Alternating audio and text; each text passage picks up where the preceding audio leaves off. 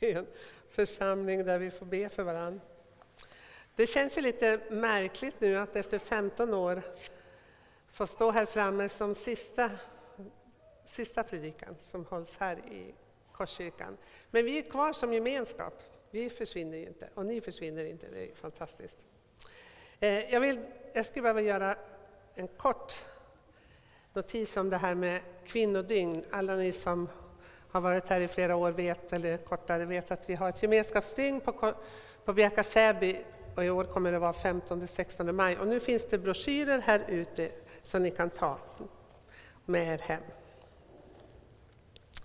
Eh, jag har ju fått en, en text mig tilldelad för idag från Romarbrevet 8. Och nu ska jag försöka sköta den här samtidigt. Temat idag blir Den helige Ande och Jesus Kristus ber med och för oss. Jag har ett sånt där favoritcitat när det gäller bön och det är från en, en nunna som levde på 1500-talet. Hon hette Teresa av Avila. Hon, hon har skrivit så här. Att hålla inre be, bön, eller att be, är att umgås med en vän som vi vet älskar oss och som vi därför ofta träffar för att ensamma och förtroligt få tala med. Att be är att få nalkas någon som verkligen älskar oss. Och vi får göra det i vår ensamhet och vi får göra det så här tillsammans. Men att be innebär inte enbart att vi som individer umgås med Jesus, alltså att det är bara Jesus och jag. Utan det fantastiska är att varje gång du och jag sätter oss ner för att be, så går vi bildligt talat in i ett rum, eller det är egentligen för litet, ett universum som är oändligt. Vi dras in i den bön som pågår mellan Fadern och Sonen och den helige Ande. Och då dras vi in också i deras gemenskap. Och det är fantastiskt, vilket privilegium att få stämma in i den bön som pågår. Och i Romarbrevet 8, som vi kommer att läsa ifrån, så kommer vi att se att Paulus betonar att både Anden ber för oss ständigt och att Kristus sitter på Faderns högra sida och ber för oss. Och det här är en otroligt viktig tanke i kyrkan, inte minst att Kristus sitter på Faderns högra sida och där ber han alltid för oss. Ramen för den här sanningen är ju att vi lever i en tillvaro som är präglad av lidande, brustenhet, svaghet på olika sätt. Och den här, det här delar vi med hela skapelsen. Innan vi kommer in i det så vill jag läsa vers 11 i Romarbrevet 8. Här står det så här. Om anden från honom som uppväckt Jesus från de döda bor i er, lägg märke till det. Då skall han som har uppväckt Kristus från de döda också göra era dödliga kroppar levande genom att hans ande bor i er. Paulus skriver till församlingen i Rom, till kristna som har tagit emot Jesus Kristus. Och har vi tagit emot Jesus Kristus och har bekännelsen att han är Herre, då har vi också fått del av den helige Ande. Och Paulus skriver ju i Korinthierbrevet att våra kroppar är ett tempel för den helige Ande. Och ett tempel är ju där man tillber Gud. I Romarbrevet finns det både en påminnelse att här, den här tillvaron är full av lidande, men det jämförs hela tiden med den tidsålder som kommer att komma, härligheten och kroppens uppståndelse. Vi tror på kroppens uppståndelse. Fortsätter vi. Den här predikan kommer att vara lite annorlunda för jag kommer att gå igenom Romarbrevet nu till slut här. Mm får följa med. Men är vi barn, då är vi också arvingar, Guds arvingar och Kristi medarvingar. Om vi delar hans lidande för att också få dela hans härlighet. Jag menar att våra lidande i denna tidsålder ingenting betyder. Det här kan ju vara lite provocerande när man är mitt i någonting som är väldigt svårt. Verkligen möter motgång och lidande och så skriver Paulus att våra lidande här och nu ingenting betyder.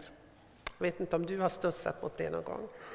Men Paulus skriver det i relation till den framtid som väntar. Våra lidande i denna tid, betyder, denna tid ingenting betyder mot den härlighet som skall uppenbaras och bli vår. Ty skapelsen väntar otåligt på att Guds söner ska uppenbaras. Ylva Eggehorn hon har översatt det här med att hela skapelsen står som på tå. Ni vet när man verkligen väntar någonting ska komma. Så, skapelsen väntar. För allt skapat har lagt under tom, lagts under tomhetens välde.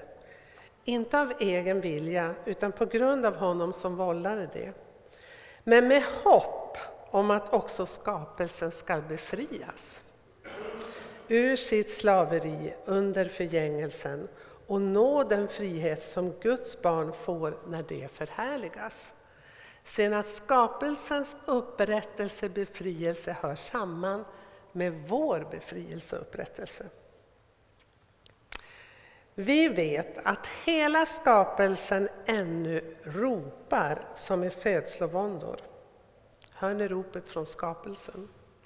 Är denna tid med där skapelsen håller på att verkligen förstöras av oss människor. Ja, och till och med vi som har fått den anden som en första gåva. Det här med första gåva, det är något som återkommer bland annat i Efesierbrevet och flera andra. Att den helige Ande är liksom som en första gåva, en pant, en, en bekräftelse på någonting ännu större väntar som vi kommer att få när vi kommer hem till himlen. Men vi som har fått Anden som en första gåva, också vi ropar i hoppet är vi räddade. Ett hopp som man ser uppfyllt är inte något hopp. Vem hoppas på det han redan ser? Men om vi hoppas på det vi ser väntar vi uthålligt. Alltså, nu lever vi i hoppet, men vi vet att en dag ska fullbordas. Men tillsammans med hela skapelsen så lever vi under tomhetens och förgängelsens slaveri. Men med hopp om att vi tillsammans med hela skapelsen ska befrias. Och därför, jag säger det igen, kan Paulus skriva våra lidande i den här tiden betyder ingenting i jämförelse med den härlighet som väntar. Och det kan ju vara en tröst, eller hur? Men som kristna ska vi inte bli förvånade om vi möter lidande i den här tiden, för den tillhör den här tillvaron. Och om vi ser ut över vår värld så ser vi att vi lever i en lite skyddad tillvaro här i Norden, än så länge. I veckan läste jag att eh, Open Doors, som gör årliga undersökningar om förföljelse mot kristna. Jag tror att det var 260 miljoner har man kommit fram till kristna som just nu lider under ehm, förtryck och ren förföljelse. Alltså det är en siffra som vi nästan inte kan omfatta. Tänk 260 miljoner, det är några fler än vad som sitter här. Och jag hörde också i veckan att torkan breder ut sig i södra Afrika, så man räknar med någonting mellan 25 till 45 miljoner kommer att behöva akut hjälp för att inte svälta ihjäl. Hela skapelsen lider, människor lider, men skall befrias ur sitt slaveri. Lägg märke till, jag har strykit under här, att skapelsen ropar, vers 22. Och att även vi ropar. Vi väntar och ropar. vi som har fått Anden som en gåva. På kroppens uppståndelse, på befrielsen undan förgängelsen. Och vi väntar otåligt. Men vi väntar inte ensamma och ropar inte ensamma. Så kommer vers 26. Jag vet inte om du har lagt märke till det här uttrycket. På samma sätt är det när Anden stöder vår svaghet. Vi vet ju inte hur vår bön egentligen bör vara, men Anden vädjar med oss med rop utan ord. Och då är det samma ord i grundtexten. Skapelsen ropar, vi ropar och Anden ropar. Och han som utforskar våra hjärtan vet vad Anden menar eftersom Anden vädjar för oss för det heliga som Gud vill. Den helige Ande ber för oss och med oss. Visst är det fantastiskt att tänka på samma sätt som skapelsen ropar och vi ropar, så ropar Anden. Och Anden hjälper oss i vår svaghet, alltså i våra lidanden, i allt som kan möta oss här i den här världen som smärtar och gör ont. Jag tycker det är intressant också att det står att vi vet inte egentligen hur vår bön bör vara. Och det tror jag vi alla ibland har upplevt, att när vi sätter oss ner Ibland när vi ber för oss själva, men också när vi ber för våra anhöriga, nära och kära, så tänker vi, men vad ska jag be om egentligen? Men den helige Ande vet precis vad vi behöver be.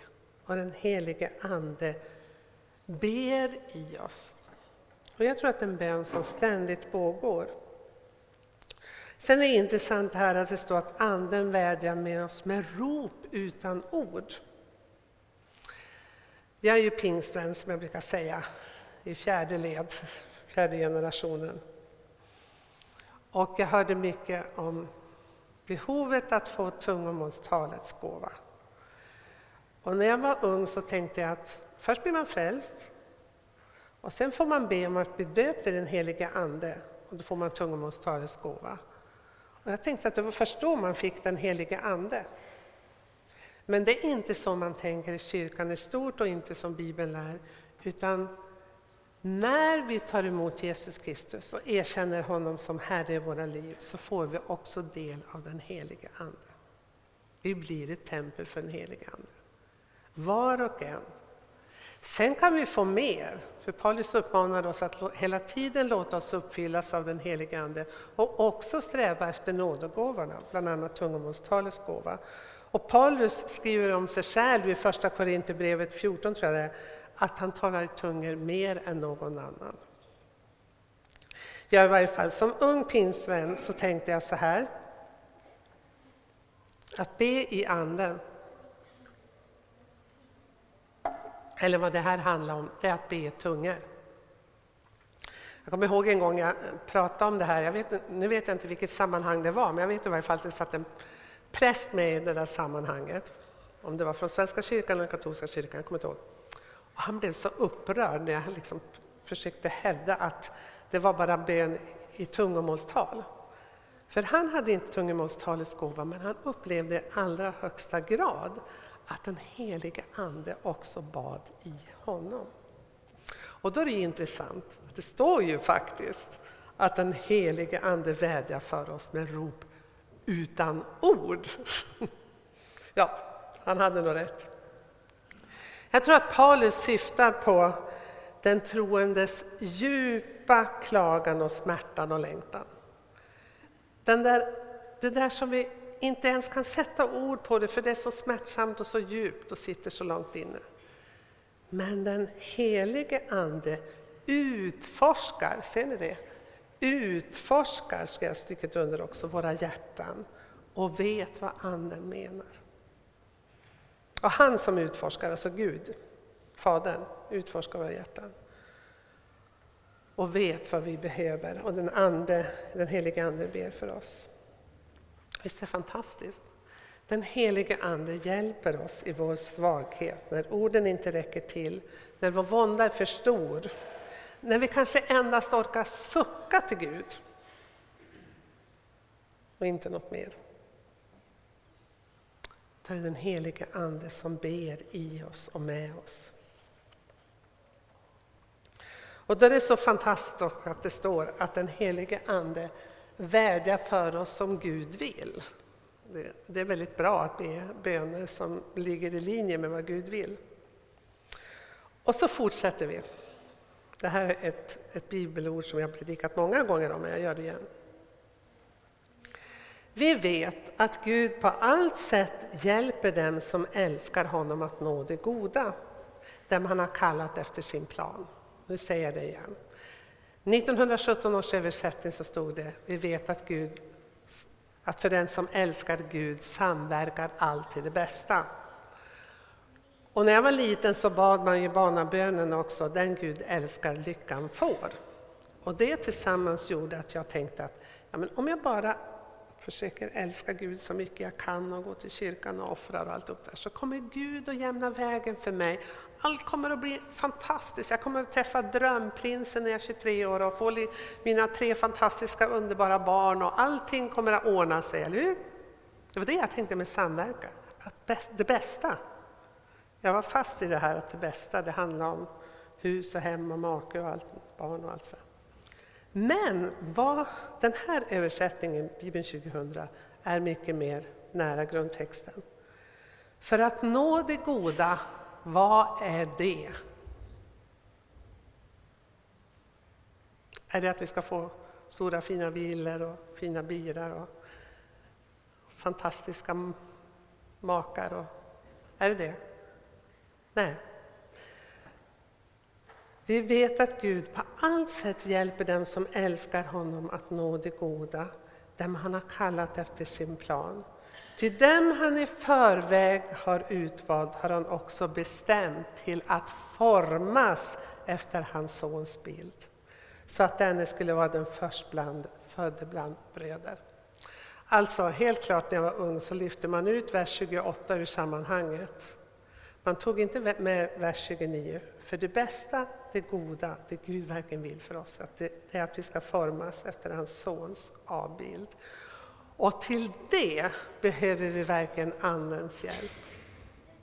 Vi kan inte bara lyfta oss själva i håret och bli mer kärleksfulla, och goda och givmilda. Och allt det där. Vi behöver verkligen att Anden formar oss, eller hur? Och den helige Ande formar oss till Kristus likhet inte minst i lidande. Och då kom jag att tänka på det i morse när jag läste igenom min predikan. I Filipperbrevet där skriver Paulus så här, vi känner igen Jag vill lära känna Kristus och kraften från hans uppståndelse. Ja, men det vill vi verkligen göra. Lära känna Kristus och kraften från hans uppståndelse. Men så fortsätter han och dela hans lidande Genom att bli lik honom i en död som hans, kanske jag då kan nå fram till uppståndelsen från de döda.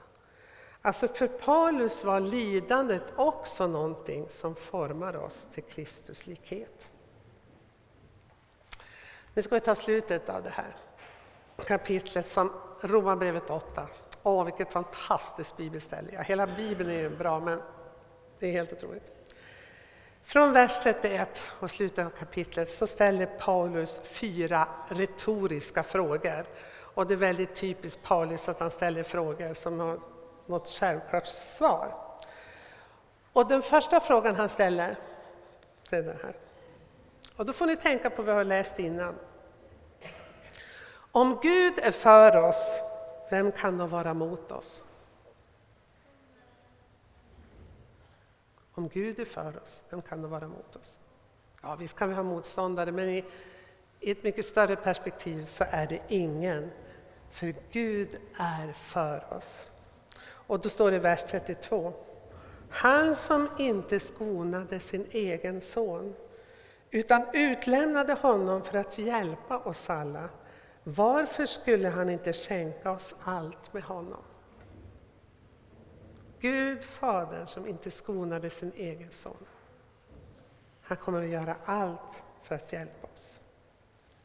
Gud är för oss, så står det vidare. Vem kan anklaga Guds utvalda? Och då är det också svar, underförstått, ingen, därför att Gud frikänner oss.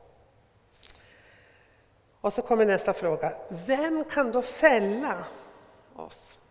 Alltså, då använder han egentligen ett stor domstolsbegrepp, vem kan fälla oss?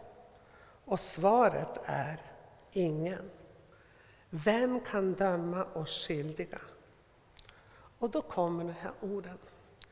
Kristus är den som har dött och därtill den som har uppstått och uppväxt och han sitter på Faderns, Guds högra sida och vädjar för oss.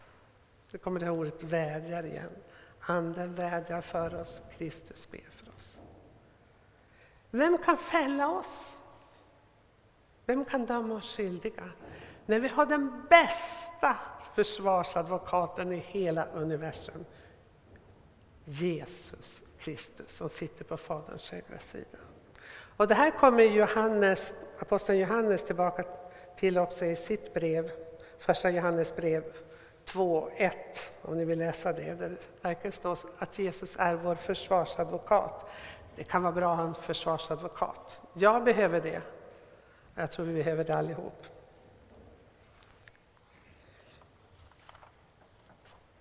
Just det, hade jag nog med här. Nej, då kommer den här. Vem kan skilja oss från Kristi kärlek? Det är fjärde frågan. Och svaret är ingen och inget. Och här kommer de här helt fantastiska orden som Paulus han, han räknar, försöker räkna upp allt som man bara överhuvudtaget kan komma på som kan möta oss av lidande i den här världen. Vem kan skilja oss från Kristi kärlek? Nöd eller ångest? Förföljelse eller svält? Nakenhet, fara eller svärd? Det står ju skrivet. För din skull lider vi dödens kval dagen lång. Vi har räknats som slaktfår. Det här är ett citat från Gamla Testamentet. Nej, över allt detta triumferar vi genom honom som har visat oss sin kärlek. Alltså vi triumferar med Jesu hjälp över svält, nakenhet, fara, svärd, nöd, ångest. Starka ord. Och så kommer de här orden. Ty jag är viss om att varken död eller liv, Varken änglar eller andemakter, varken något som finns eller något som kommer, varken krafter i höjden eller krafter i djupet, eller något annat i skapelsen skall kunna skilja oss från Guds kärlek i Kristus Jesus, vår Herre. Amen. Ja. Alltså Paulus han verkligen försöker komma på allt han kan komma på som liksom hans brevskrivare kan vara rädd för och förundras över. Så här.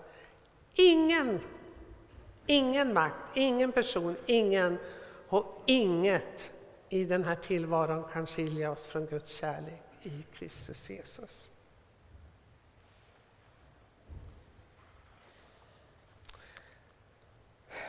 När du kommer hem eller den kommande veckan, ta någon stund, sätt dig ner och läs Romarbrevet 8.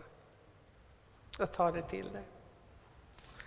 Och vad har du med dig av predikan? Jag självklart hoppas jag att det är sista, att ingenting kan skilja oss från Guds kärlek i Kristus Jesus. Men också det att vi ber aldrig ensamma, utan när vi ber så stämmer vi in i den bön som pågår. Anden ber i oss och för oss. Kristus sitter på Faderns högra sida. Hela himmelens härskara ber för oss. Och hela den kristna kyrkan. Det var lite grann det ni var inne på sången, att när vi är i nöd så får vi också räkna med kyrkans förböner. Vi ber.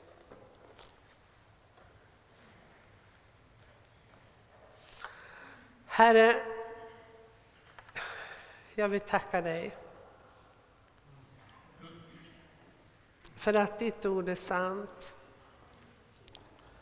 Att när vi kommer inför dig så är du redan hos oss. Och du ber för oss. Även det vi inte ens själva vet att vi behöver förbön för. Och tack Jesus Kristus för att du är vår försvarsadvokat. Öppna våra ögon så vi ser hur fantastisk bönen är som vi får be. I Jesu namn. Amen.